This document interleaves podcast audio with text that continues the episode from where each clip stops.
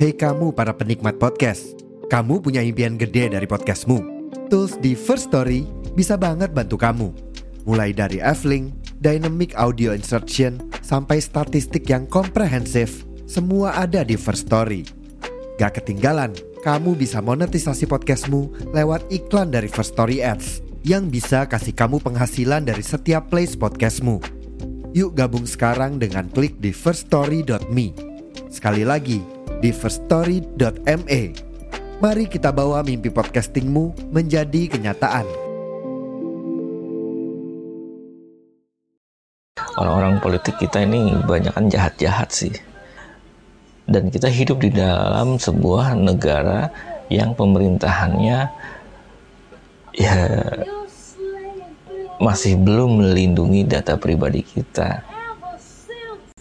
Lumayan rame tuh dari kemarin informasi tentang tersebarnya sertifikat vaksin Insinyur Joko Widodo atau Pak Jokowi dari aplikasi Peduli Lindungi. Hmm, ini persoalannya data pribadi kita pasti terancam karena data pribadi presiden aja.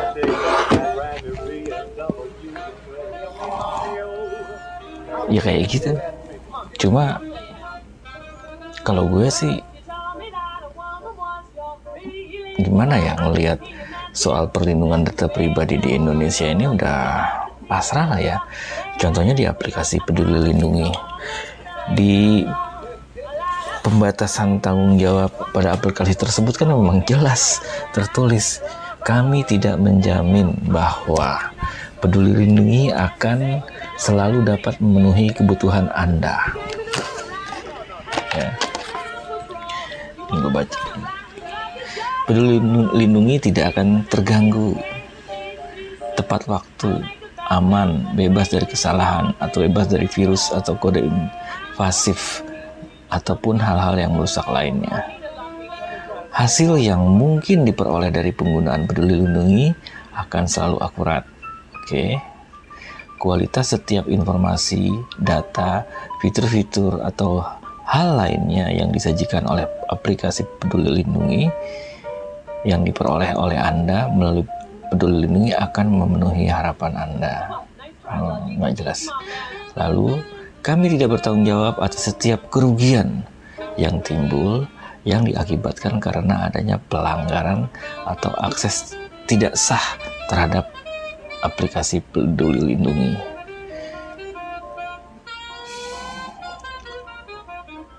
Wow, jadi pengembang aplikasinya nggak bertanggung jawab kalau aplikasinya dihack atau datanya diembat orang ya ya gimana? Kita nggak bisa menuntut karena memang sudah jelas-jelas data pribadi kita nggak aman ya nggak bisa kita tutup-tutupi. Tetapi kita nggak hanya sebaiknya nggak hanya cuma uh, membahas aplikasi ini, tetapi lebih jauh lagi pelindungan data pribadi. Kita hidup di negara yang pemerintahnya uh, dikuasai oleh para politikus yang punya banyak kepentingan. Ya, saya tahu uh, Kementerian Kominfo sudah cukup lama uh, bekerja bekerja sama dengan masyarakat sipil, akademisi, itu menyusun rancangan undang-undang perlindungan data pribadi.